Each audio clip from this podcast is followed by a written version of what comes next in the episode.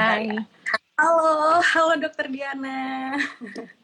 Halo, malam. Iya, salam kenal saya Lucky dari Reprodukasi. Mungkin sebelumnya Dokter Diana sudah pernah ya bergabung sama Reprodukasi sama Jen waktu itu ya ngomongin IMS. Iya, sama Jen. iya nih, gimana dokter kabarnya? Oh, ya baik-baik, sehat, puji Tuhan. Baiklah. Oke dok, hari ini kita mau ngomongin nih gimana sih uh, mengenal ya mungkin dasarnya mengenal terus memahami dan gimana sih caranya merawat organ uh, organ reproduksi atau alat kelamin kita yaitu vagina dan penis uh, dengan cara yang tepat dengan uh, anju sesuai dengan anjuran dokter atau ahli medis seperti itu ya dok. Mungkin pertanyaan awalnya dulu deh dok, uh, kenapa sih kita penting untuk belajar bagaimana merawat alat kelamin atau organ reproduksi kita seperti itu dok. Oke, terima kasih ya Lucky udah undang saya untuk ngobrol-ngobrol malam oh, iya. ini. Terima kasih banyak dokter Giana sudah datang. Ya, seru sih uh, untuk bahas tentang organ reproduksi itu memang nggak pernah ada habisnya ya. Kemudian kalau ditanya kenapa sih kita harus bisa ngerawatnya, um, karena tubuh kita itu pemberian Tuhan dan memang sudah menjadi tugas kita untuk uh, menjaga tubuh kita supaya uh, apa ya bisa kita pertanggungjawabkan gitu pada yang memberi. Nah kemudian uh, organ reproduksi itu sama pentingnya dengan organ lainnya gitu. Jadi sebetulnya memang sayangnya dianggap tabu sehingga banyak orang yang uh, takut dan malu untuk membicarakannya. Tapi uh, sama pentingnya dengan organ yang lain. Jadi penting juga untuk tahu apa sih organ reproduksi kita, kemudian bagaimana fungsinya, bagaimana cara merawatnya supaya ya itu kita bisa menjaga kesehatan kita memang secara keseluruhan gitu. Iya dan bisa bertanggung jawab ya gitu ya dok ya. Uh, kenapa sih dok sebenarnya penting untuk anak-anak remaja lebih terlebih lagi gitu? Kenapa sih dok? Hmm, iya karena kita tahu bahwa di masa remaja itu terjadi banyak perubahan, perubahan fisik, perubahan uh, secara psikologis juga dan juga secara sosial. Jadi perubahannya itu me, apa ya yang kita sebut pubertas. Nah, si pubertas ini kan perubahan fisik ini mengawali sebuah proses uh, reproduksinya. Sebenarnya sih kalau kita bicara kapan sih indung telur itu udah ada cadangan telur, memang dari lahir udah ada cadangan telurnya. Tetapi hmm. begitu dia masuk masa pubertas, kemudian hormon-hormon reproduksinya mulai bekerja. Kemudian bagaimana uh, si indung telurnya menghasilkan telur, kemudian dia menstruasi, nah kemudian dia mulai mampu bereproduksi gitu kan. Jadi proses reproduksinya itu uh, si organnya siap di saat masa pubertas ini. Nah, kenapa remaja harus bisa menjaga dengan baik dirinya? Karena kalau kita pikir sebuah anak, seorang anak itu kan hasil pertemuan dari telur dan sperma. Telur itu adalah uh, bibit dari ibu, sperma itu bibit dari ayah. Nah, seorang remaja ini kan sebenarnya calon ibu dan calon ayah nih. Jadi kita hmm. harus persiapkan dari awalnya banget di saat dia mulai mampu bereproduksi. Saat itu juga kita harus mulai persiapkan bagaimana bibit ini bibit yang unggul supaya nanti hasilnya juga unggul. Contohnya begini, kalau misalnya di masa remaja kita punya kebiasaan-kebiasaan baik, misalkan senang berolahraga kemudian hidupnya sehat nih, senang olahraga, aktif uh, apa uh, berorganisasi, kemudian makan makanan sehat, itu kan akan terbawa nih sampai dewasa. Jadi nanti saat dia mau menjadi orang tua, dia pun sudah sehat secara fisik. Sebaliknya, kalau misalkan di masa remaja kita misalnya merokok, atau senang minum alkohol, atau pakai napsa. Nah, itu kan biasanya sebuah maksudnya sebuah kebiasaan itu akan sulit untuk diubah. Apakah nanti kalau sudah hamil baru berubah? Kan sudah hamil, artinya proses pembentukan janinnya sudah terjadi dari sebelumnya. Hmm. Kalau misalnya uh, merokok nih, laki-laki misalnya merokok, kemudian dia berjanji bahwa nanti pada saat istrinya hamil dia akan berhenti. Nah itu pada saat dia sendiri tidak mempersiapkan bibitnya. Hmm. Kebayang nggak? Jadi sebenarnya kalau dipikir-pikir remaja ini adalah awal dari siklus hidup karena dia harus mempersiapkan bibit untuk anak-anak yang akan dia lahirkan nanti gitu. Jadi kalau dia sehat, nanti dia jadi dewasa yang sehat, anak-anak yang dia lahirkan juga akan sehat. Maka penting iya. nih masa krusial. Itu hmm. secara bibitnya. Yang kedua, remaja itu adalah masa di mana dia mulai bisa mengambil keputusan sendiri. Jadi kalau anak-anak biasanya kan influence besar dari orang tua. Ya. Makan disediakan, kemudian uh, aktivitas fisik mungkin tergantung apakah orang tuanya ngajak berenang, orang tuanya ngajak olahraga, atau enggak misalnya. Si anak ini kan enggak yang tiba-tiba minta, mah main tenis yuk gitu kan, enggak ya. Kalau anak-anak tuh emang masih diajak gitu oleh orang tuanya, masih diatur oleh orang tuanya. Nah begitu dia remaja kan dia mulai keluar dari rumahnya. Mulai keluar dari rumah, jadi dia mulai bisa menentukan sendiri. Iya dok, Iya bener banget dok, setuju banget. Nah kalau misalnya kayak gitu berarti kan emang kita udah di tahap apalagi nih karena kebanyakan mungkin teman-teman reprodukasi adalah anak-anak remaja ya. Jadi uh, itulah kenapa pengen kita uh, kita awali dengan pertanyaan tersebut.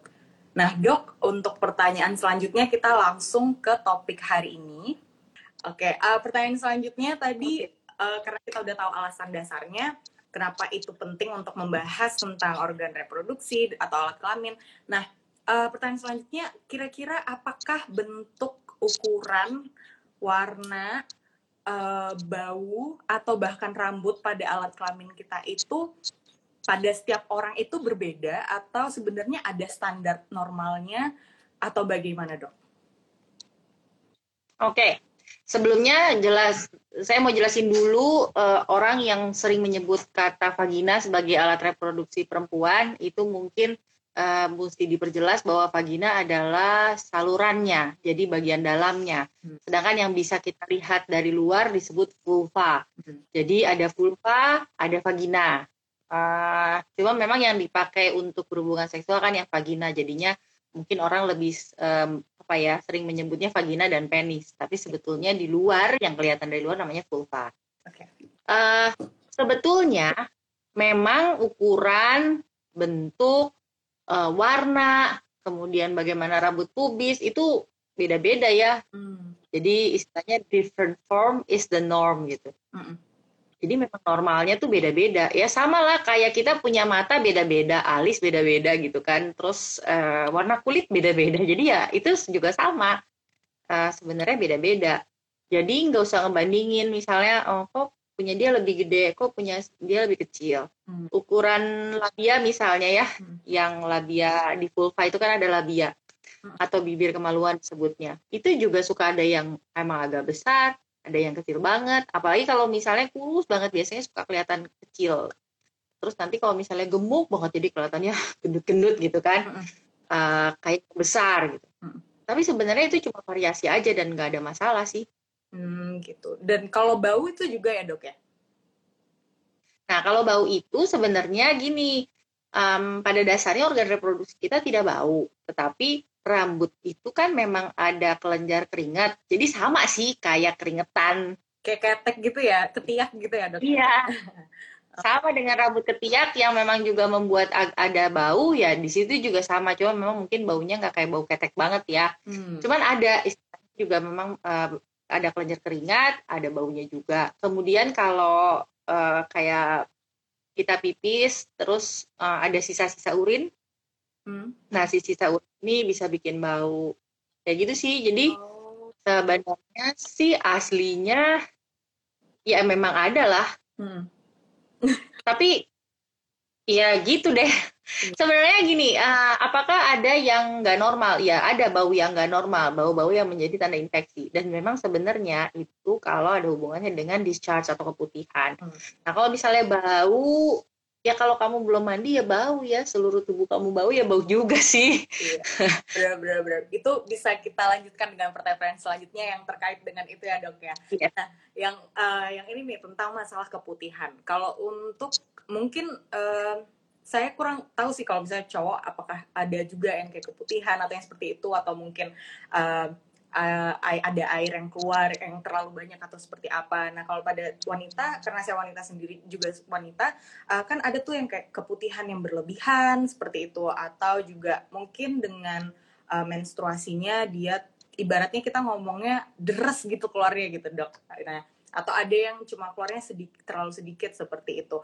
Nah kira-kira uh, emang itu karena setiap orang memiliki sistem uh, reproduksi atau uh, ya secara pubertas seperti itu ber, semuanya berbeda-beda atau itu juga bisa ada golongan yang abnormalnya gitu dok?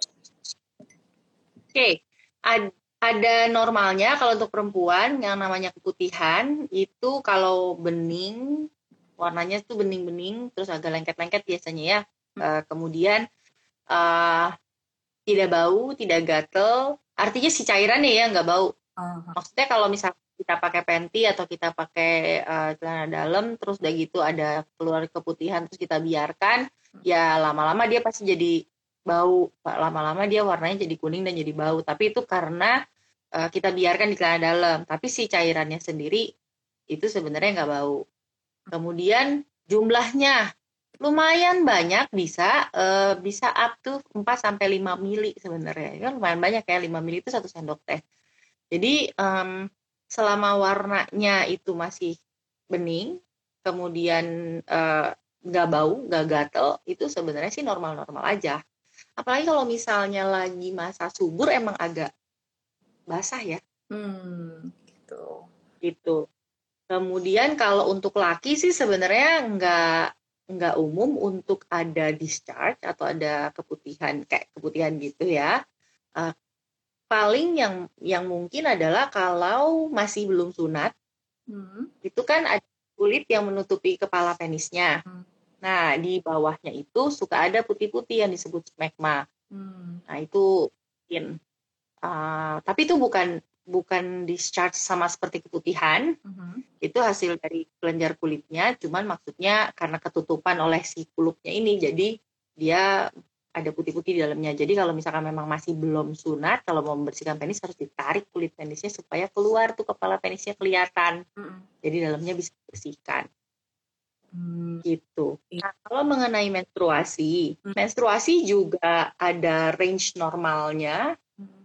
Jadi uh, jumlah darahnya itu tidak um, tidak selalu sama. Ya. Nah, tapi kalau misalnya uh, lebih dari uh, 4-5 pembalut sehari, kemudian lebih dari seminggu sampai 10 hari, lebih dari 7 sampai 10 hari, itu memang perlu sih untuk konsultasi. Hmm. Oke dok. Nah kalau misalnya menstruasi sendiri mungkin kira-kira dokter bisa menjelaskan secara singkat aja kali ya mungkin untuk teman-teman karena uh, sebenarnya dokter Diana ini adalah dokter obstetri dan ginekologi yang ini ya lebih ke untuk alat kelamin perempuan ya dok ya. Jadi mungkin untuk teman-teman yang di sini mungkin perhitungan uh, men siklus menstruasi seperti itu dok secara singkatnya gimana dok biar pada tahu. Jadi siklus menstruasi itu dihitung dari hari pertama haid ke hari pertama haid berikutnya. Jadi kita tidak menghitung berdasarkan tanggal, apakah dia teratur atau enggaknya, berarti tanggalnya sama atau enggak, bukan. Tapi yang dihitung adalah hari pertama, hitung jumlah hari ke hari pertama berikutnya. Si jumlah hari ini disebut siklus. Karena dia kan akan berulang, mulai dari hari pertama lagi, mulai dari, dari hari pertama lagi. Jadi ini adalah siklus. Nah, awal dari siklusnya adalah hari pertama tadi. Berapa jumlah hari yang normal? Antara 21 sampai 35 hari. So, itu range-nya cukup luas. Jadi, hmm. kok bisa ya sebulan dua kali haid? Ya hitung dulu. Apakah sebulan dua kali itu masih dalam range 21 sampai 35 hari? Hmm. Kemudian, apakah eh, kalau misalnya masih segitu, masih kita anggap normal? Hmm. Variasi wajar. Tapi eh, enggak berarti, oh, kok eh, saya biasanya 28 hari udah dapat haid, kok ini 35 hari ya baru kan masih dalam range normal jadi it's okay hmm. kita lihat aja dulu trennya gitu oh. nah kemudian tadi jumlah harinya jumlah harinya 7 sampai eh, uh, 10 hari itu masih okay. biasanya kan tujuh hari nih haid. Iya. Eh, empat lima hari itu udah mulai sedikit. Hmm, iya. Yang apa sih uh, apa ya pembalut tuh nggak penuh gitu. Hmm. Belum penuh udah waktunya ganti lah gitu. Iya. ya kan udah tinggal sedikit. Nah, gitu ya. Biasanya terus itu berapa sih tiga hari paling kan? Iya. Uh, benar. Nah itu itu masih oke okay, masih normal. Iya. Kemudian jumlah pembalut tadi di dalam tiga hari eh, empat hari itu biasanya deres nih nah itu paling ya itu empat sampai lima pembalut kalau misalnya udah lebih dari itu memang agak uh, berlebihan nah perlu diperhatikan juga pembalut apa yang kita pakai ya nah, kalau misalnya pakai pembalut iya uh, sekali pakai yang biasa ya yang saya maksud bukan yang maksi bukan yang panjang yang buat malam buat apa kalau itu empat uh, lima pembalut juga udah kebanyakan ya kalau yang terlalu panjang hmm Iya, iya. Kan karena memang ukurannya udah menampung menampung darah jauh lebih banyak daripada yang normal gitu. Iya. Tapi padahal seharusnya selalu diganti ya, maksudnya rutin diganti ya dok ya sebenarnya. Iya, kalau itu sih tetap diganti. Cuma yang kita hitung adalah penuhnya. Hmm. Yang tadi waktu tuh. Jadi misalkan gini, kita kan seharusnya memang uh, eh, 4 sampai enam jam sekali ganti. Hmm. Uh, kalau penuh kan biasanya memang pasti ganti. Iya. Tapi kalau misalnya nggak penuh, 4 sampai 6 jam tuh udah mesti ganti. Tetap. Nah, pada saat ganti itu kan mungkin bisa dilihat ya terisi berapa sih setengahnya. Oh, baru dikit banget nih. Hmm. Paling juga uh, rapatnya misalnya gitu. Hmm. Nah, itu uh, nanti dijumlah-jumlah dengan yang berikutnya. Hmm, iya, tapi kan benar-benar berapa kita pakai. iya, tapi kan kadang maksudnya buat yang nggak tahu tuh kayak ah masih sedikit nih buang-buang pembalut gitu maksudnya padahal udah udah lebih dari 5 6 jam gitu kan, Dok. Apakah kalau misalnya kayak gitu ada efek negatifnya dok nggak nggak diganti jelas karena sebetulnya dengan si darah itu terkumpul di pembalut kemudian nggak diganti-ganti beresiko infeksi hmm. Jadi nanti eh, apa ya makanya suka bau kalau lagi haid itu ya karena itu karena udah waktunya diganti nggak diganti-ganti hmm. eh, kemudian uh, infeksi bakteri, infeksi jamur itu juga bisa terjadi. Sama kayak bayi yang suka ruam popoknya. Iya. Karena kelamaan pakai popoknya sama. Hmm. Jadi memang sebaiknya diganti setiap 4 sampai 6 jam. Hmm, iya iya. Berarti uh, oke, okay, move to the next question. Kalau cara kita merawat ini bisa untuk dua ya dok, maksudnya untuk vagina dan untuk penis buat laki-laki dan perempuan. Berarti itu juga berlaku untuk penggunaan uh, celana dalam. Uh, maaf ya dokter ya udah bisa dengar kan ya sekarang ya? Udah. Ya oke. Okay. uh, eh, baik dok. Kalau gitu tadi gimana dok jawabannya dok? Uh, pertanyaannya tadi yang nggak kedengeran. Oh yang ini yang uh, dengan celana dalam apakah itu sama juga? Apakah kalau misalnya basah atau maksudnya kalau tadi yang menstruasi kan emang selama 4 sampai 4 sampai 6 jam harus tetap diganti meskipun. Jadi, tapi kalau misalnya untuk uh, in case nah, yang dalam. dalam baik cewek maupun cowok, kalau misalnya udah terasa basah atau emang ada jam-jamnya atau nggak apa-apa sampai seharian? Sama juga sih sebenarnya. Pertama, pilih bahan celana dalam yang memang menyerap keringat. Jadi biasanya bahan katun, serat bambu gitu ya, maksudnya yang memang menyerap keringat. Hmm. Itu supaya uh, nyaman. Kemudian yang kedua, hmm, memang setiap kali mandi harus ganti celana dalam. Hmm. Yang ketiga, kalau memang merasa lembab, basah, ganti, jangan dibiarin. Itu efek-efeknya apa dok? Sama kayak tadi jamuran? Apa sama sih, iya. Hmm, iya, iya. sama-sama. Oke, kalau gitu uh, perawatan lain dok buat uh, alat kelamin ya. Sekarang kita mungkin juga mulai ke ranah yang untuk uh, penis juga tadi kan khususnya menstruasi. Nah, uh, mungkin untuk treatment-treatment yang sering kita dengar perawatan di Indonesia atau mungkin di luar negeri juga ada kayak misalnya ada massage alat kelamin atau mungkin untuk uh, wanita ada yang namanya ratus vagina yang kayak di apa ya diasepin atau di apa sih kayak di di dikasih kasih uap gitu ya dok ya seperti itu apakah atau jamu gitu apakah yang kayak gitu itu sebenarnya kalau dari segi medis sehat atau tidak boleh atau bagaimana dok? Oke, okay. yang pertama berhentilah berpikir bahwa organ kelamin kita itu kotor. Hmm. Jadi sebetulnya kayak apa ya? Membersihkan yang yang ta, yang penting tadi sih kalau misalnya penis belum bersunat dibersihinnya harus tarik kulupnya supaya bisa bersihin dalamnya. Hmm. Tapi kalau sudah bersunat kan ya kelihatan kan. Hmm. Jadi sebenarnya seperti biasa. Kemudian kalau untuk vulva sebetulnya tidak perlu cairan khusus atau mungkin vagina juga. Vagina itu udah ada bakterinya yang memang tugasnya untuk menjaga supaya eh, bakteri-bakteri jahat tuh nggak bisa masuk ke situ. Hmm. Ada memang apa istilahnya flora normalnya gitu. Jadi memang udah ada yang tinggal di situ. Untuk apa? Jadi istilahnya self cleaning vagina kita itu sebetulnya. Hmm. Jadi ngapain kita repot-repot? Pakai air cukup kok untuk cebok gitu. Hmm. Kemudian uh, kenapa harus wangi? Itu kayaknya kita mesti cari sejarahnya tuh ya. Siapa sih yang bilang vagina itu harus wangi? Hmm. Siapa sih yang bilang kalau vagina itu harus diginin, harus digituin? Hmm. Sebenarnya enggak. Siapa sih yang bilang kalau keset itu enak? Hmm. Kan sakit kalau keset malahan. Justru kita punya kelenjar di ujung uh, apa di ujungnya vagina yang tugasnya adalah untuk membuat vagina itu basah kalau kita terangsang.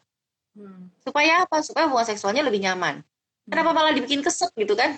Hmm jadi uh, mungkin pertama adalah kita mesti pikir bahwa orga, uh, dia nggak kotor nggak kenapa-napa gitu loh kenapa harus dibersihinnya tuh sampai pakai jamu pakai ratus udah gitu mesti pakai apa sabun khusus misalnya enggak Iri enggak gitu. kan ya, kalau wanita kan biasanya tuh pakai air rebusan sirih itu ya Kalah, nggak perlu hmm. repot-repot amat pakai air aja bisa cukup gitu Hmm. Bahkan pakai tisu aja cukup sebenarnya kan. Yang penting ngelap bekas uh, urinnya. Jadi kalau misalnya habis pipis, lap bekas urinnya cukup. Oh, iya iya iya. Kalau habis buang air besar pakai sabun, tapi kan cukup bagian yang memang kena feses dan kotor feses itu. Ya bagian anusnya aja yang disabunin, hmm. usah semua-semuanya gitu. Hmm. Berarti memang yang terkena ya, Dok ya? Yang ter Justru kalau vagina kita dibersihkan pakai sabun pembersih. Itu malah merusak hmm. bakteri-bakteri yang ada di situ. Akibatnya marah dia, tumbuh lebih banyak, oh. malah jadi infeksi. Iya, iya, iya. Jadi dia malah dia merasa terganggu, nanti dia malah jadi dia yang menyebabkan infeksi. Iya, jadi sebenarnya kayak organ-organ apa namanya alat kelamin kita itu mereka sudah punya apa ya senjatanya sendiri, maksudnya untuk bagaimana caranya menyembuhkan atau apa ya merawat sendiri seperti itu ya dok ya? Iya, termasuk rambut rambut pubis. Ah. Itu adalah salah satu defense mechanism tubuh kita. Hmm. Sama seperti uh, hidung bulu hidung ini nih, hmm. tugasnya menyaring kotoran. Nah, hmm. di situ juga rambut pubis itu uh, apa ya berguna untuk membuat supaya kelembapan daerah vagina itu pas gitu. Hmm. Karena daerah vulva itu sebenarnya nggak bisa juga terlalu kering, makanya jangan pakai sabun supaya nggak mengiritasi eh membuat kulitnya terlalu kering. Kalau kulitnya terlalu kering mudah iritasi gitu. Oke, berarti kalau kayak gitu dok, tadi kan uh, yang di awal pertanyaan itu setiap orang juga mungkin memiliki kelebatan uh, rambut pubik yang berbeda-beda ya. Nah, uh, itu sebenarnya perbedaan itu ada yang lebih lebat, ada yang tipis. Itu tuh juga karena uh, sudah natural emang untuk melindungi iya. yang udah dipunya ya. Iya, jadi berarti kayak gitu. maksudnya kan sekarang banyak nih tren-trennya untuk apa namanya waxing kayak gitu kan atau hmm. yang di laser kayak gitu menghilangkan nah apa ya di kecantikan kecantikan atau maksudnya pria juga ada kan yang meng uh, waxing rambut uh, di sekitar penisnya juga berarti sebenarnya rambut-rambut ini memiliki gunanya ya dok ya untuk menjaga ini alat kita. Jadi Tuhan ciptakan segala sesuatu itu pasti ada mak maksudnya gitu kan?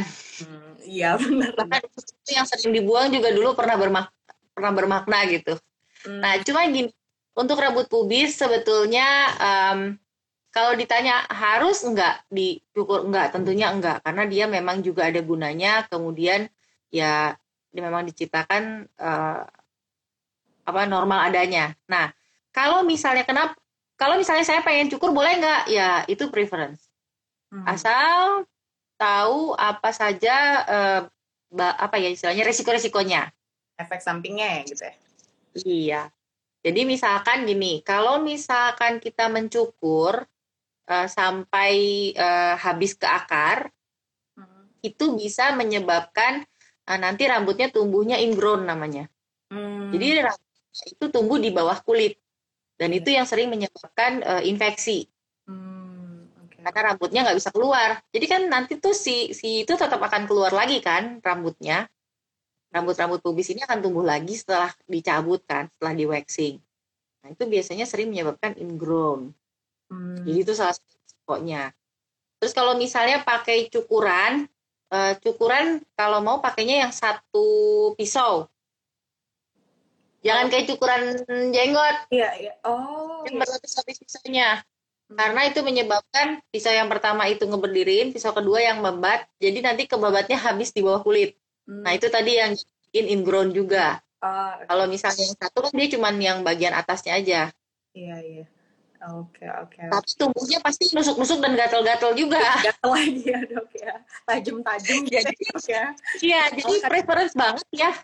Uh, hmm. Preference banget. Uh, mungkin juga ada ada ada apa ya pengaruh dari media, pengaruh dari um, mungkin buat teman-teman yang senang nonton film porno mungkin tahu juga bahwa kalau di film porno memang kan clean bersih gitu kan hmm. kesannya itu adalah yang benar padahal sebenarnya enggak Iya, sebenarnya itu ya kayak ya karena model-model di sosial media yang sering kita lihat gitu ya. Jadi orang patokannya yang bersih itu adalah itu. Padahal sebenarnya ada gunanya gitu ya dok ya kita punya. Iya betul.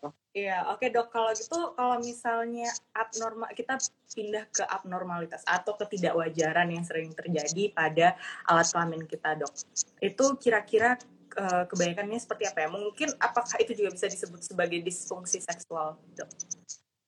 Oke. Okay kita bicara uh, bedain dulu perempuan sama laki ya. Hmm. Kalau yang aku bicara yang laki dulu deh, karena uh, seperti tadi dibilang, oh dokter Ogin sebenarnya, jadi ya. bukan uh, nggak nggak terlalu fokus di yang laki. Tapi kalau secara umum laki-laki uh, itu bisa mengalami infeksi, uh, infeksi luar seksual.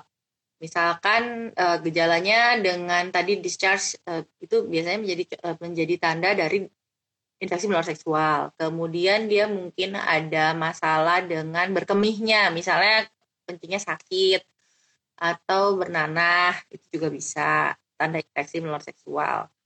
Uh, ada juga per, permasalahan, memang permasalahan berkemih juga pada laki-laki akibat prostat. Itu biasanya untuk yang udah agak ini sih, kalau prostatnya membesar, itu mungkin sering dengar.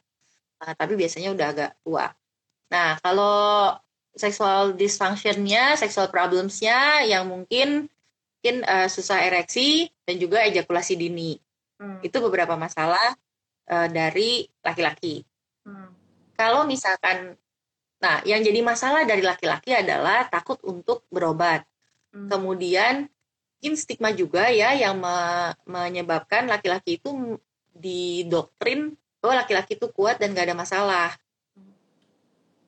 Jadi takut untuk ke dokter, malu untuk ke dokter dan nggak tahu dokternya siapa. Mungkin kalau untuk perempuan tuh kayak udah biasa gitu datang ke dokter objin tuh lebih jauh lebih sering daripada laki-laki mencari bantuan gitu.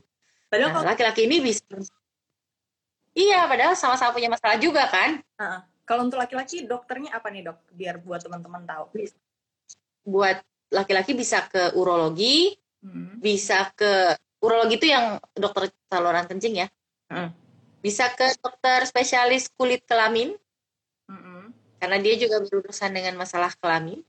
Kalau masalahnya hormonal bisa ke androlog andrologi itu ya iya. Jadi sebetulnya ada dokternya untuk laki-laki juga. Kalau bingung saya mesti ke mana? Dokter umum aja nanti yang akan mengarahkan ke mana kira-kira permasalahan ini gitu. Maksudnya kalau untuk infeksi menular seksual itu dokter umum bisa kok hmm. untuk bantu kalau misalkan untuk masalah yang lebih berat, dia bisa kok untuk refer, jadi nggak usah takut bingung ke mana. Mungkin kalau untuk perempuan udah mikirnya dokter objin, dokter objin aja, padahal sebenarnya dokter umum juga bisa sih. Hmm, iya, iya. Tapi kalau untuk laki, ke dokter umum lah, akses lah layanan kesehatan itu. Hmm. Kalau untuk remaja, PKPR, puskesmas PKPR itu bisa kok bantu untuk uh, apa ya melayani uh, pelayanan kesehatan remaja, termasuk untuk masalah-masalah dengan uh, organ reproduksi. Iya. Puskesmas yang punya layanan PKPR di seluruh Indonesia udah ada kok. Udah ada. Puskesmas PKPR. Mm -mm. Nah, itu untuk laki. Kalau untuk perempuan, tadi keputihan yang berubah warna, kemudian bau, gatel. Datanglah, konsultasilah. Tadi haid, Misalnya ada perdarahan di luar siklus haid, ada haid yang terlalu banyak, atau sakit. Sakit. Kalau sakit haid, jangan menganggap bahwa itu sesuatu yang uh, kodrat. Bukan. Uh, memang ada nyerinya kalau haid itu, tapi bukan berarti disuruh tahan sampai senyeri-nyerinya. Jadi tetap aja tidak layak untuk merasakan nyeri, intinya begitu. Jadi uh, berobat aja. Kemudian sama seperti eh sorry bukan sama eh, tapi berbeda dengan laki-laki. Laki-laki jarang sekali kena infeksi saluran kencing. Sedangkan perempuan ini sering banget kena infeksi saluran kencing. Karena saluran oh. kencingnya pendek deket banget sama luar. Laki kan kelihatan panjangnya ya sepanjang penisnya itulah gitu. Dari dari luar bisa masuk sampai ke dalam ke kandung kemih. Sedangkan kalau untuk perempuan tuh memang pendek sekali uh, si saluran kencingnya. Jadi mudah sekali infeksi masuk dari luar gitu. Kemudian masalah untuk perempuan yang lainnya tadi sama dengan laki bisa kena infeksi menular seksual. Uh, oh, ini yang yang belakangan mungkin baru banyak orang yang bahas yaitu uh, vaginismus. Mm -mm. Jadi kesulitan untuk penetrasi uh, dalam hubungan seksual uh, karena masalah di vaginanya, vaginismus namanya. Kemudian ada lagi vulvodynia, jadi merasa nyeri nyeri di sekitar uh, vulvanya hmm. yang kalau dilihat di kulit nggak ada apa-apa, infeksi nggak ada, tapi tuh ada rasa sensasi nyerinya itu vulvodynia. Hmm. Jadi kalau misalnya memang teman-teman punya keluhan, silakan konsultasikan. Hmm. Cukup banyak sih masalah. Ada layanan ramah remaja lagi ya dok ya di Indonesia sebenarnya.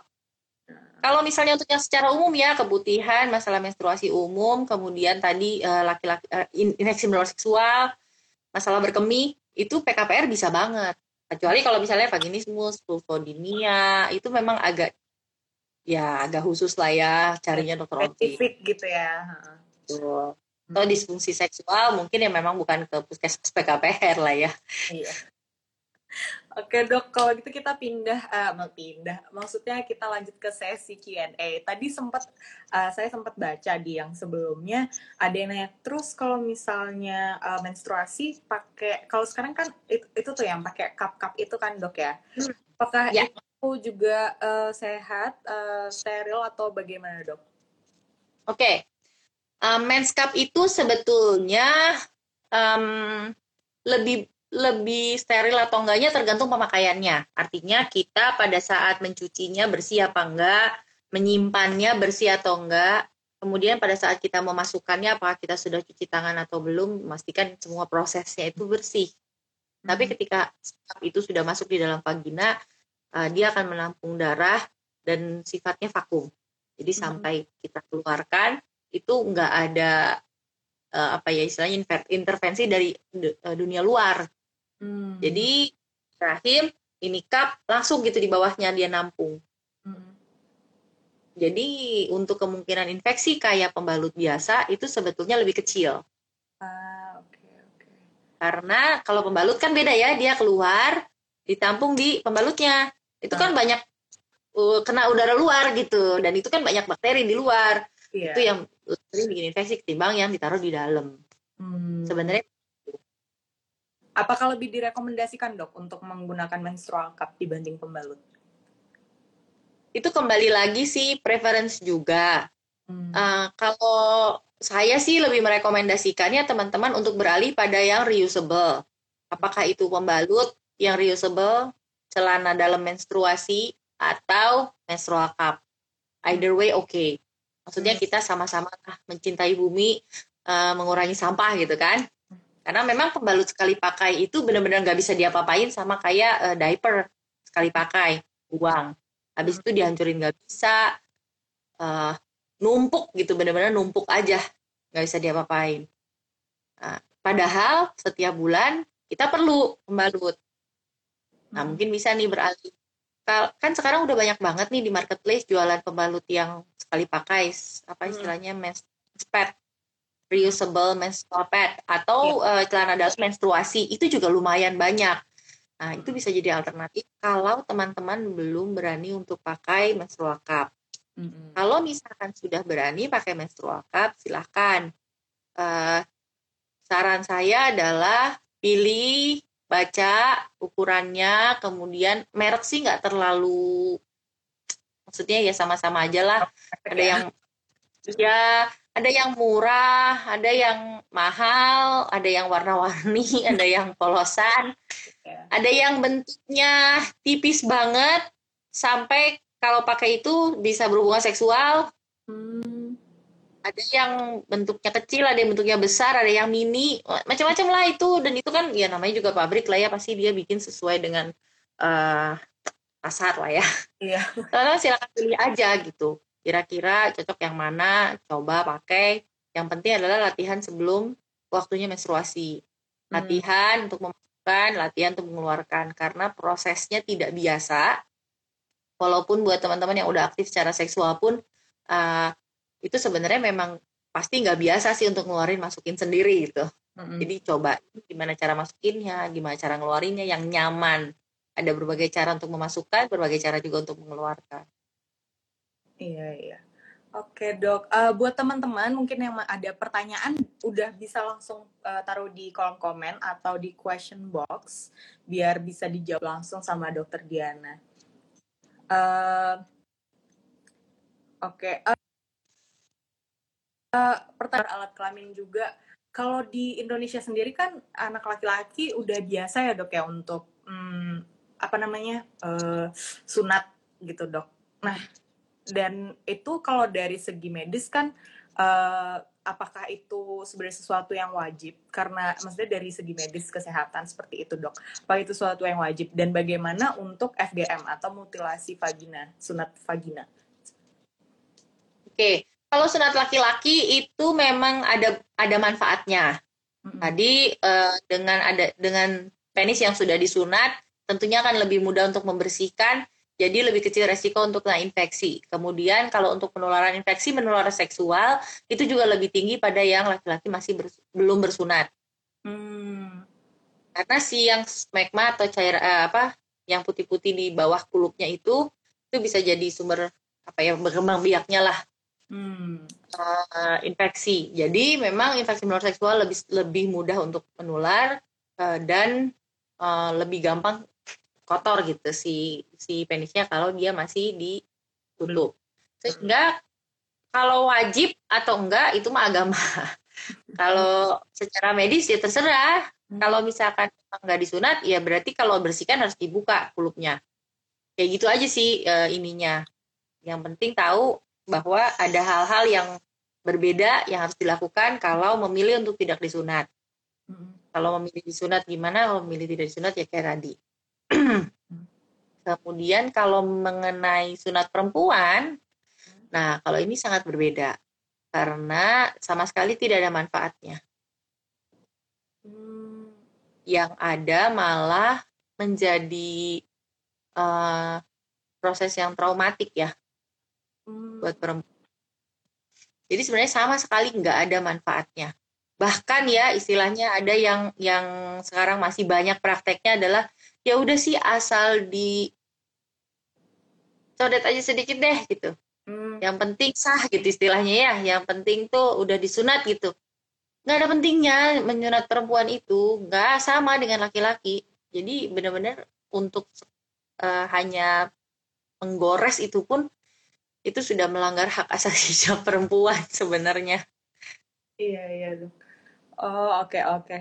um, Iya baik, gitu ya teman-teman informasi seputar sunat menyunat atau kalau pada wanita itu uh, pernah didengar juga FGM. Ini sebenarnya adalah pertanyaan dari ini dok uh, kemarin dari webinar itu registrasi ada beberapa yang bertanya. Jadi yang uh, yang mungkin jarang ditanyakan kita coba tanyakan lagi di sini. Yang belum sempat dijawab. Nah, terus gimana dok? Bagaimana kita tahu organ reproduksi kita itu sehat? Atau misalnya mendeteksi kita memiliki infeksi menular seksual mungkin dari apa ya? Dari ya maksudnya orang akan lebih uh, apa ya? Lebih notice kalau itu terlihat atau terasa dari luar gitu kan dok? Nah, bagaimana cara kita mendeteksi itu dok? Kira-kira? Oke, kalau untuk uh, mengetahui apakah sehat atau enggak, sebetulnya tadi ya hmm, kalau nggak ada masalah gitu berarti sehat-sehat aja ya hmm. jadi nggak ada keputusan yang warnanya aneh ataupun bau ataupun gatel gitu terus atau rasa uh, kalau buat laki-laki misalnya nggak ada kencing nana nggak ada um, di, apa uh, kencing yang sakit gitu ya hmm. tapi sebenarnya teman-teman juga mungkin perlu tahu bahwa infeksi menular seksual banyak yang tidak bergejala hmm jadi tidak tahu bahwa dia itu mempunyai infeksi menular seksual, tidak tahu bahwa dia itu berpotensi menularkan. Jadi yang lebih penting kalau kita mau menjaga adalah ya jaga dengan prevention, preventif, mencegahnya. Jangan sampai teman-teman kena. Caranya apa? Ya kalau misalkan memang uh, tidak memiliki satu pasangan tetap, ya pakai kondom. Itu memang masih yang paling efektif untuk mencegah. Tapi itu pun tidak 100%. Jadi nggak bisa kita rely on kondom. Apalagi kalau penggunaannya tidak tepat. Karena ada juga yang mikirnya, oh yang penting kan nggak hamil, jadi dipakainya nanti terakhir-terakhir pada saat mengejakulasi. Padahal kan infeksi menular seksual itu dari kontak pertama. Hmm. Saya ada cerita pasien punya hmm, kena kondiloma atau janger ayam, tahu? Hmm dari hubungan seksual non penetratif. Hmm. Jadi sebenarnya dia bukan penetrasi, dia hanya hubungan seksual yang uh, petting, cuma menggesek-gesekkan kelamin aja. Habis hmm. itu dia kena uh, genital warts, kutil kelamin. Oh, iya iya iya. Jadi dari kontak itu sudah langsung bisa kena sebenarnya. Karena beda-beda ya infeksi seksual itu kan. Hmm, banyak yang ya? harus kita yang enggak yang kontak kulit tuh kayak HPV itu kan cuma kontak kulit doang tuh ya bisa aja kena hmm. jadi misalkan mau pencegahan tadi satu abstinens lah kalau kita nggak berhubungan seksual kita nggak kena infeksi menular seksual hmm. yang kedua eh, kita boleh melindungi diri kita dengan vaksin HPV hmm. laki-laki dan perempuan sama-sama beresiko kena hmm. kalau perempuan sering karena kanker serviks ya yang lebih santer kedengeran hmm. tapi kanker penis juga ada hmm. kanker anus ada untuk yang suka anal seks.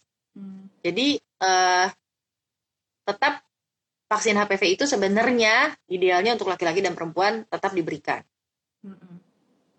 Kemudian uh, kalau misalkan tidak bisa uh, untuk abstinence, tadi pilihannya pakai kondom. Hati-hati kalau uh, berganti-ganti pasangan. Karena menurut saya sih, yang paling tahu kalau kamu itu beresiko infeksi seksual atau enggak ya kamu sendiri. Karena kamu yang paling tahu uh, penis kamu masuk ke mana aja atau vagina kamu dimasukin apa aja. Hmm. ya. yang bisa mengontrol atau mengobserv sendiri gitu ya apa yang dilakukan ya kita sendiri gitu ya dok ya. Iya karena uh, menarik juga beberapa pasien itu suka datang dok kira-kira saya kena infeksi menular seksual apa enggak? Saya pernah punya pasien kayak gitu. Dok saya kira-kira kena infeksi menular seksual apa enggak ya? gitu. Pertanyaan saya kenapa kamu bisa berpikir kalau kamu itu kena infeksi menular seksual gitu? Ya pasti kan dia tahu sebenarnya ada sesuatu yang terjadi. Kalau dia nggak kalau misalkan tidak ada resiko kenapa bingung gitu kan? Hmm, iya. berarti entah dari resikonya dia atau pasangannya. Iya. iya dok. Oke kalau tadi uh, dokter ada mention juga bisa uh, karena melakukan anal seks juga. Nah, sebenarnya melakukan uh, hubungan seksual melalui uh, anal itu tuh sehat atau risikonya tinggi atau bagaimana, Dok? Iya, sebenarnya hmm, pernah ada satu survei yang dilakukan di Amerika. It, maksudnya ini penelitian sih, penelitian di Amerika memang uh, lumayan ya ada 30 sampai 40 perempuan itu at least once setidaknya pernah satu kali selama hidupnya uh, mengalami anal seks maksudnya dia reseptif kan dia dia yang dimasukin anusnya. Kemudian uh, 10 sampai 12 persennya malah melaporkan itu sebagai istilahnya um, rutinitas di dalam hubungan seksualnya. Hmm. alasannya apa? Alasannya untuk menyenangkan pasangan karena apa? Karena sering kali dipromosikan bahwa oh anus itu lebih tight, lebih apa? sempit. Jadi daripada vagina. Jadi akan lebih um, menstimulus dan akan lebih menyenangkan. Hmm. Sebetulnya uh, anus tidak diciptakan untuk berhubungan seksual. Sehingga mukosanya atau lapisan kulitnya, kulit bagian dalam ya, bagian dalam anus ini itu tidak uh, sekuat vagina. Oh tadi kita bilang vagina itu kan kayak self cleaning organ ya kan? Uh-uh. Dia udah punya sistem pertahanan tubuh yang bagus. Memang untuk apa? Untuk dimasukin penis kan? Karena nggak ada orang yang mau berhubungan seksual nyemprotin dulu alkohol atau sanitizer sebelum masuk gitu. masuk ya masuk aja gitu kan? Nggak pakai uh, proses kayak sekarang gitu cuci tangan dulu atau apa sanitizer dulu enggak kan? Sebenarnya gitu. Karena apa? Karena memang dia udah ada udah ada pertahanan tubuhnya. Sedangkan anus enggak. Dia tidak disiapkan untuk dimasukkan uh, alat seperti itu. Jadi memang harus consider. Uh, sehat atau enggak ya itu masalahnya. Risiko untuk penularan infeksi menular seksualnya lebih besar. Hmm. jadi sebenarnya lebih berbahaya. Dan enggak enggak juga bisa uh, dibilang bahwa itu akan increasing sexual pleasure. Itu benar-benar uh, terserah aja deh gitu. Hmm. Karena uh, masing-masing orang yang paling tahu bagaimana sih kesenangan dia dalam uh, berhubungan seksual. Jadi hmm.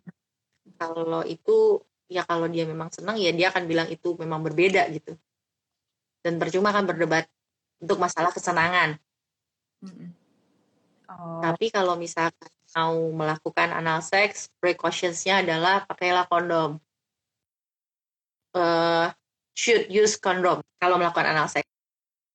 Dan kalau pindah-pindah depan belakang berarti kondomnya beda yang depan sama yang belakang. Jangan bolak-balik. Artinya masuk vagina dengan masuk penis harus berbeda. Jangan sampai bolak-balik karena uh, nanti ya malah jadi nularin dari depan belakang ya, ke depan gitu ya iya jadi kalau mau melakukan hubungan melalui anal seks ya dikonsider dulu ya teman-teman dipikir-pikir ditimbang-timbang dulu gitu karena resiko iya ya. oke dok um, di sini sebenarnya sih Iya, kalau untuk pleasure sih uh, organ yang diciptakan oleh Tuhan untuk sexual pleasure itu klitoris. Jadi eksplorasi klitoris deh coba uh, hmm. lebih ininya gitu. Hmm. Maksudnya. Iya iya iya. Oke dok, uh, ini ada yang nanya Risma Oda, bagaimana sih mengedukasi anak-anak tentang alat reproduksi agar tidak tabu? Mungkin anak-anak itu ya mungkin di bawah remaja kali ya, maksudnya lebih muda dari remaja gimana dok? Nah, yang pertama adalah siapa yang mau mengedukasinya itu harus juga menganggap bahwa itu tidak tabu. Hmm. Kita dulu, mulainya dari kita yang mau mengedukasi kalau kita udah bisa uh, berdamai dengan ketabuan dari uh, organ reproduksi atau masalah-masalah reproduksi, maka kita memang akan bisa menemukan cara-cara dan juga eh, waktu-waktu uh, untuk bisa berdiskusi dengan anak. Jadi kita dulu, kemudian tentukan nilai-nilai dari kesehatan reproduksi apa sih yang kita anut.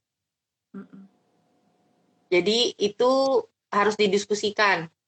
Misalnya ada ayah ibu mau ngajarin anaknya itu ayah ibu harus sepakat dulu bahwa mereka punya vis, uh, apa, apa ya punya nilai-nilai yang sama gitu hmm. berbagai hal tentang kesehatan reproduksi tentang uh, bagaimana mereka mengajarkan si organ-organ kemudian bagaimana mereka mengajarkan pubertas hmm. dan juga hmm, mungkin akan menjadi baik buat anak untuk mendengar cara uh, pengalaman orang tuanya hmm. pengalaman itu tidak harus sempurna karena justru pengalaman yang tidak sempurna itu bisa membuat anak melihat bahwa manusia itu memang nggak sempurna.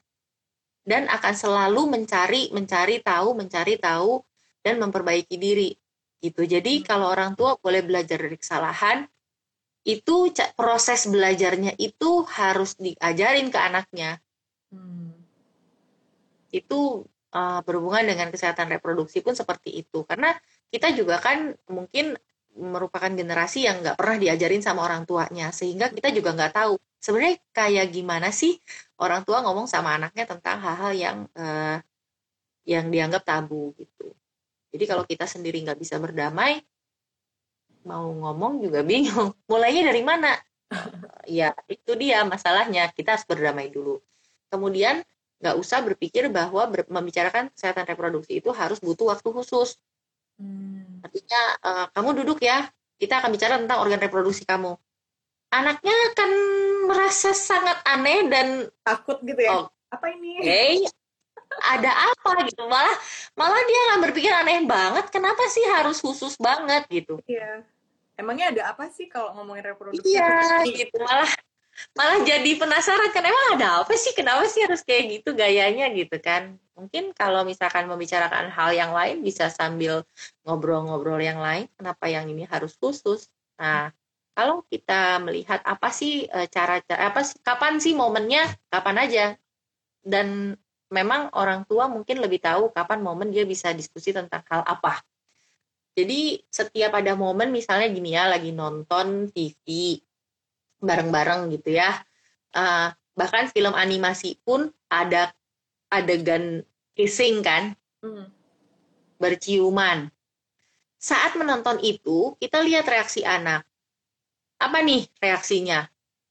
Dia ngerti nggak bahwa dia seharusnya uh, gimana gitu kan? Terus bisa tanya, apa pendapat kamu? Hmm, yeah. Bagaimana perasaan kamu saat kamu melihat itu? Kemudian apa nilai yang kita mau tanamkan sama anak? Apakah kita setuju dengan itu? Apa ajaran-ajaran yang kita anut? Hmm. Ya kan beda-beda ya. Ada orang yang oh it's okay mencium pacarnya menurut saya nggak apa-apa. Kamu mau ciuman boleh-boleh aja. Yang penting jangan uh, apa grepe-grepe misalnya gitu kan. Atau ada hmm. orang tua yang ciuman pun nggak boleh, pegangan tangan nggak boleh gitu kan itu kan beda-beda. Ya disampaikan, tapi harus disampaikan sehingga anak pun mengerti dan terbiasa untuk berdiskusi. Dan kalau misalkan ada pertanyaan anak yang kita nggak tahu jawabannya, dia bilang, saat ini mama belum tahu atau papa belum tahu, mari kita cari tahu. Ajak anak juga untuk berproses bagaimana sih kita mencari tahu informasi. Sehingga nanti misalkan buka Google gitu ya, ketika kita mengetik satu keyword di Google kan yang keluar suka bukan yang kita harapkan. Kalau hmm. anak nyari sendiri, nanti dia akan terpapar dengan semua itu dan dia nggak mengerti hmm. bagaimana cara menyaring informasinya. Tapi kita, kita juga memang harus belajar.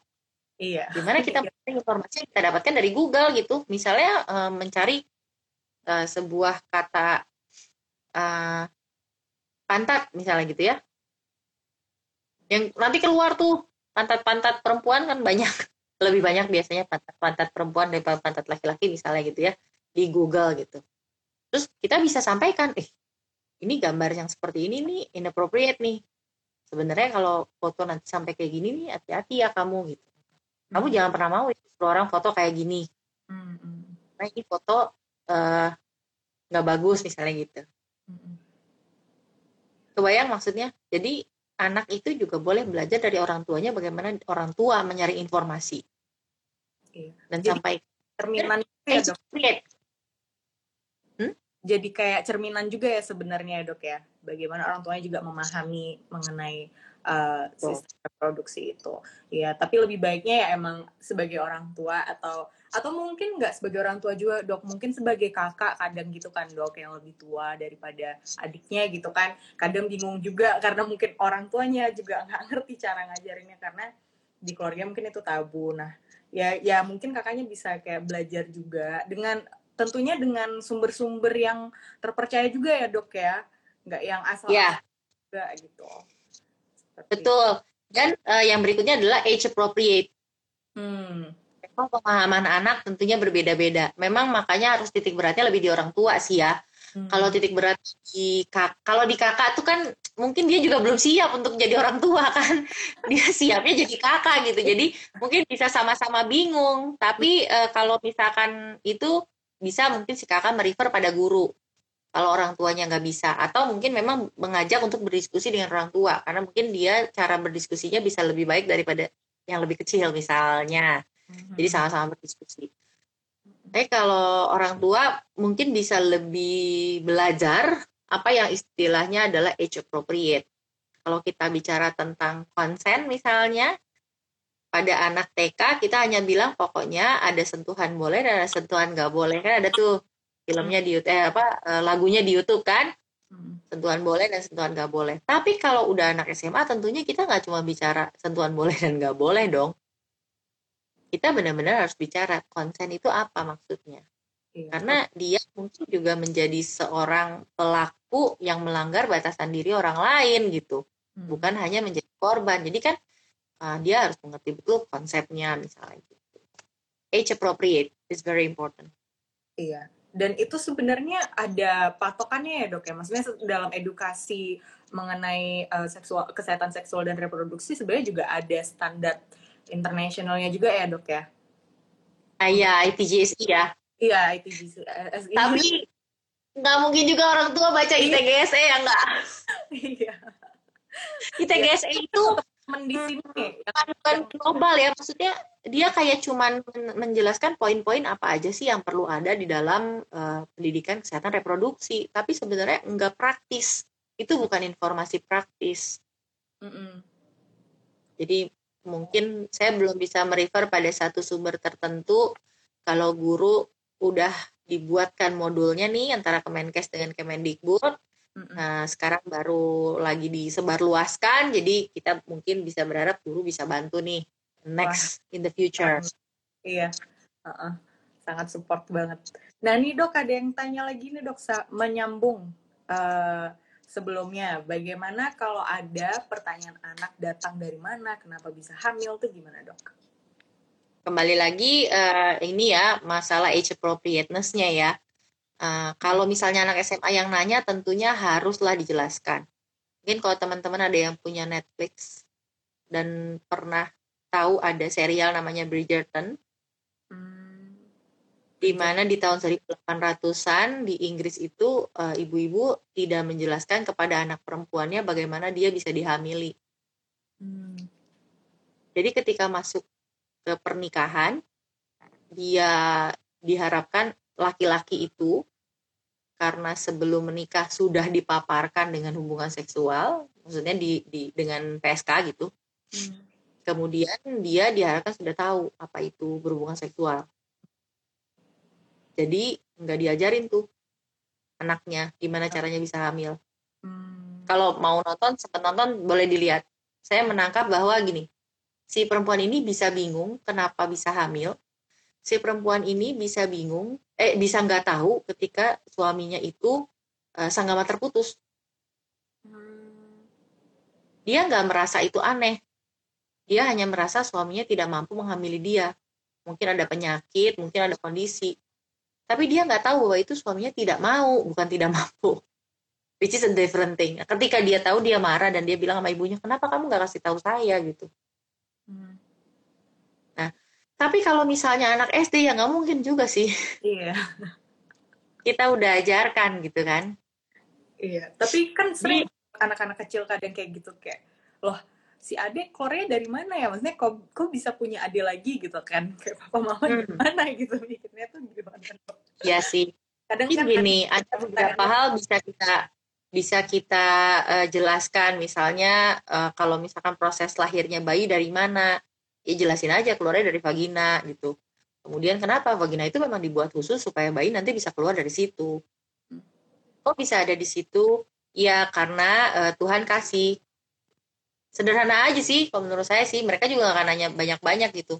Emangnya bayinya dimakan bunda ya? Uh, enggak sih tapi nanti mungkin kalau kamu udah lebih besar kamu akan lebih paham nanti kalau kamu sudah besar kita akan bahas tentang ini tapi untuk sekarang um, kita belum akan bahas ini gitu. Hmm. Jadi boleh aja sih kita bilang sama anak bahwa kita bukan yang nggak mau jawab pertanyaannya, tapi not now. Iya. Yeah. Kita udah bisa bisa punya komunikasi yang baik dengan anak bahwa ketika kita berjanji sesuatu kita akan menepati, dia juga akan tahu bahwa dia akan uh, mendapatkan jawabannya nanti di saat yang tepat gitu. Hmm, ya oke. Okay. begitu teman-teman mungkin di sini ada yang udah menjadi orang tua juga atau jadi kakak uh, kira-kira patokannya atau wejangan dari dokter Diana adalah seperti itu Wah tapi parenting itu art ya kenapa dok parenting itu yeah. parenting itu art yeah. dan parenting itu forever learning sih iya tidak jadi tidak. mau nggak mau mesti mesti belajar terus nah sebenarnya salah satu hal baik yang bisa ditanamkan pada remaja adalah uh, terus-menerus belajar. Karena nanti saat kamu jadi orang tua itu malahan uh, harus lebih banyak belajar. Karena kita nggak bisa lagi kayak orang tua zaman dulu yang berharap anak akan diajarin sama sekolah, hmm. atau nanti juga dia akan tahu sendiri. Kenyataannya ketika dia tahu sendiri, pengetahuannya itu suka nggak jelas gitu. Hmm Kenapa nggak orang tua berperan untuk uh, memberi pengetahuan yang benar? Daripada dia nonton film porno, mendingan orang tuanya yang ngasih tahu bagaimana sih sebenarnya cara berhubungan seksual. Hmm. Iya. Yang benar itu sebenarnya seperti apa? Hmm. Karena film porno itu kan juga settingan. Hmm. Jadi daripada nonton film pornonya, ya mendingan nonton behind the scene-nya. iya. Dengar cerita-cerita bagaimana film porno itu dibuat. Dan hmm. kamu akan tahu bahwa it's all fake. It's not real. Realitinya tuh nggak kayak gitu gitu. It's it's mostly fantasi juga kan ya. Jadi kayak iya karena memang settingan kan. Iya. Emang dibikin gitu. Iya jadi ya emang orang tua lah yang lebih baik bertanggung jawab sebelum anaknya uh, apa ya ya mungkin terjerumus kata kata ininya bahasanya. Um, iya dok gimana ya kadang uh, susah juga sih ya mungkin karena ada pengaruh budaya juga ya kalau di Indonesia untuk ngomongin itu. Tapi sekali lagi itu balik kepada orang tuanya juga. Maksudnya mungkin orang tua kalau zaman now itu udah mulai yang kayak aduh gimana nih jelasinnya ke anakku kayak gitu kan. Aku yes. nggak tahu tapi sebenarnya bisa kok banyak juga organisasi lain atau uh, juga di, di reprodukasi sendiri. Sebelumnya kita juga pernah jelasin dengan narasumber yang lain gimana caranya menyampaikan dan juga mengenalkan alat kelamin dan uh, kepada anak kita. Dan siapa aja yang boleh menyentuh atau melihatnya seperti itu kan. Karena itu juga sesuatu yang apa ya krusial gitu buat anak-anak juga ketahui. Tapi juga ya mungkin juga dari orang tuanya belum pernah belajar itu sendiri jadi masih mencari informasi dari informasi it's okay itu adalah step awal kali ya dok ya. Iya benar. Dan lagi uh, orang tua juga nggak usah terlalu khawatir kalau misalnya nggak tahu masih banyak tenaga kesehatan yang bisa ditanya. Jadi uh, berdasarkan survei juga remaja itu juga sebetulnya hmm, apa ya senang mendapatkan informasi dari uh, profesionals gitu. Jadi saya ingat ada pasien saya umur 11 tahun gitu ya, karena saya punya klinik ginekologi memang khusus untuk remaja ya. Hmm. Uh, dan anak itu datang cuman pengen tahu aja kok saya ini uh, haidnya kayak gini ya gitu. Ya udah, jadi kita uh, membantu orang tuanya, kemudian bersama orang tuanya kita sama-sama diskusi karena orang tuanya juga sambil ngedengerin saya oh oh jadi orang tuanya baru tahu juga gitu kan ya kenapa nggak belajar bareng-bareng aja? Ya tanya aja konsultasi aja bisa kok. Kita juga bisa bantu untuk menjelaskan kalau orang tua bingung bagaimana cara menjelaskannya. Atau orang tua juga mungkin nggak tahu nggak tahu mesti nanya ke mana tanyalah sama profesional healthcare professionals gitu. Iya. Jadi nggak nggak usah malu nggak usah takut untuk datang ke dokter atau ke ahli-ahlinya untuk menanyakan itu. Kan untuk kesehatan kita sendiri juga ya kayak gitu. Iya betul Oke, ini uh, teman-teman kira-kira ada yang mau bertanya lagi kah? Kita sudah mau jam 9 ini. Um, kalau misalnya oh. ada yang mau ditanyakan lagi, kalau dari uh, dari saya atau dari reprodukasi sih segitu dok pertanyaan-pertanyaan kita juga dari kemarin teman-teman ada yang mungkin masih menanyakan yang lebih detail seperti FGM tadi. Um, mungkin kalau ada teman-teman ada yang mau bertanya lagi,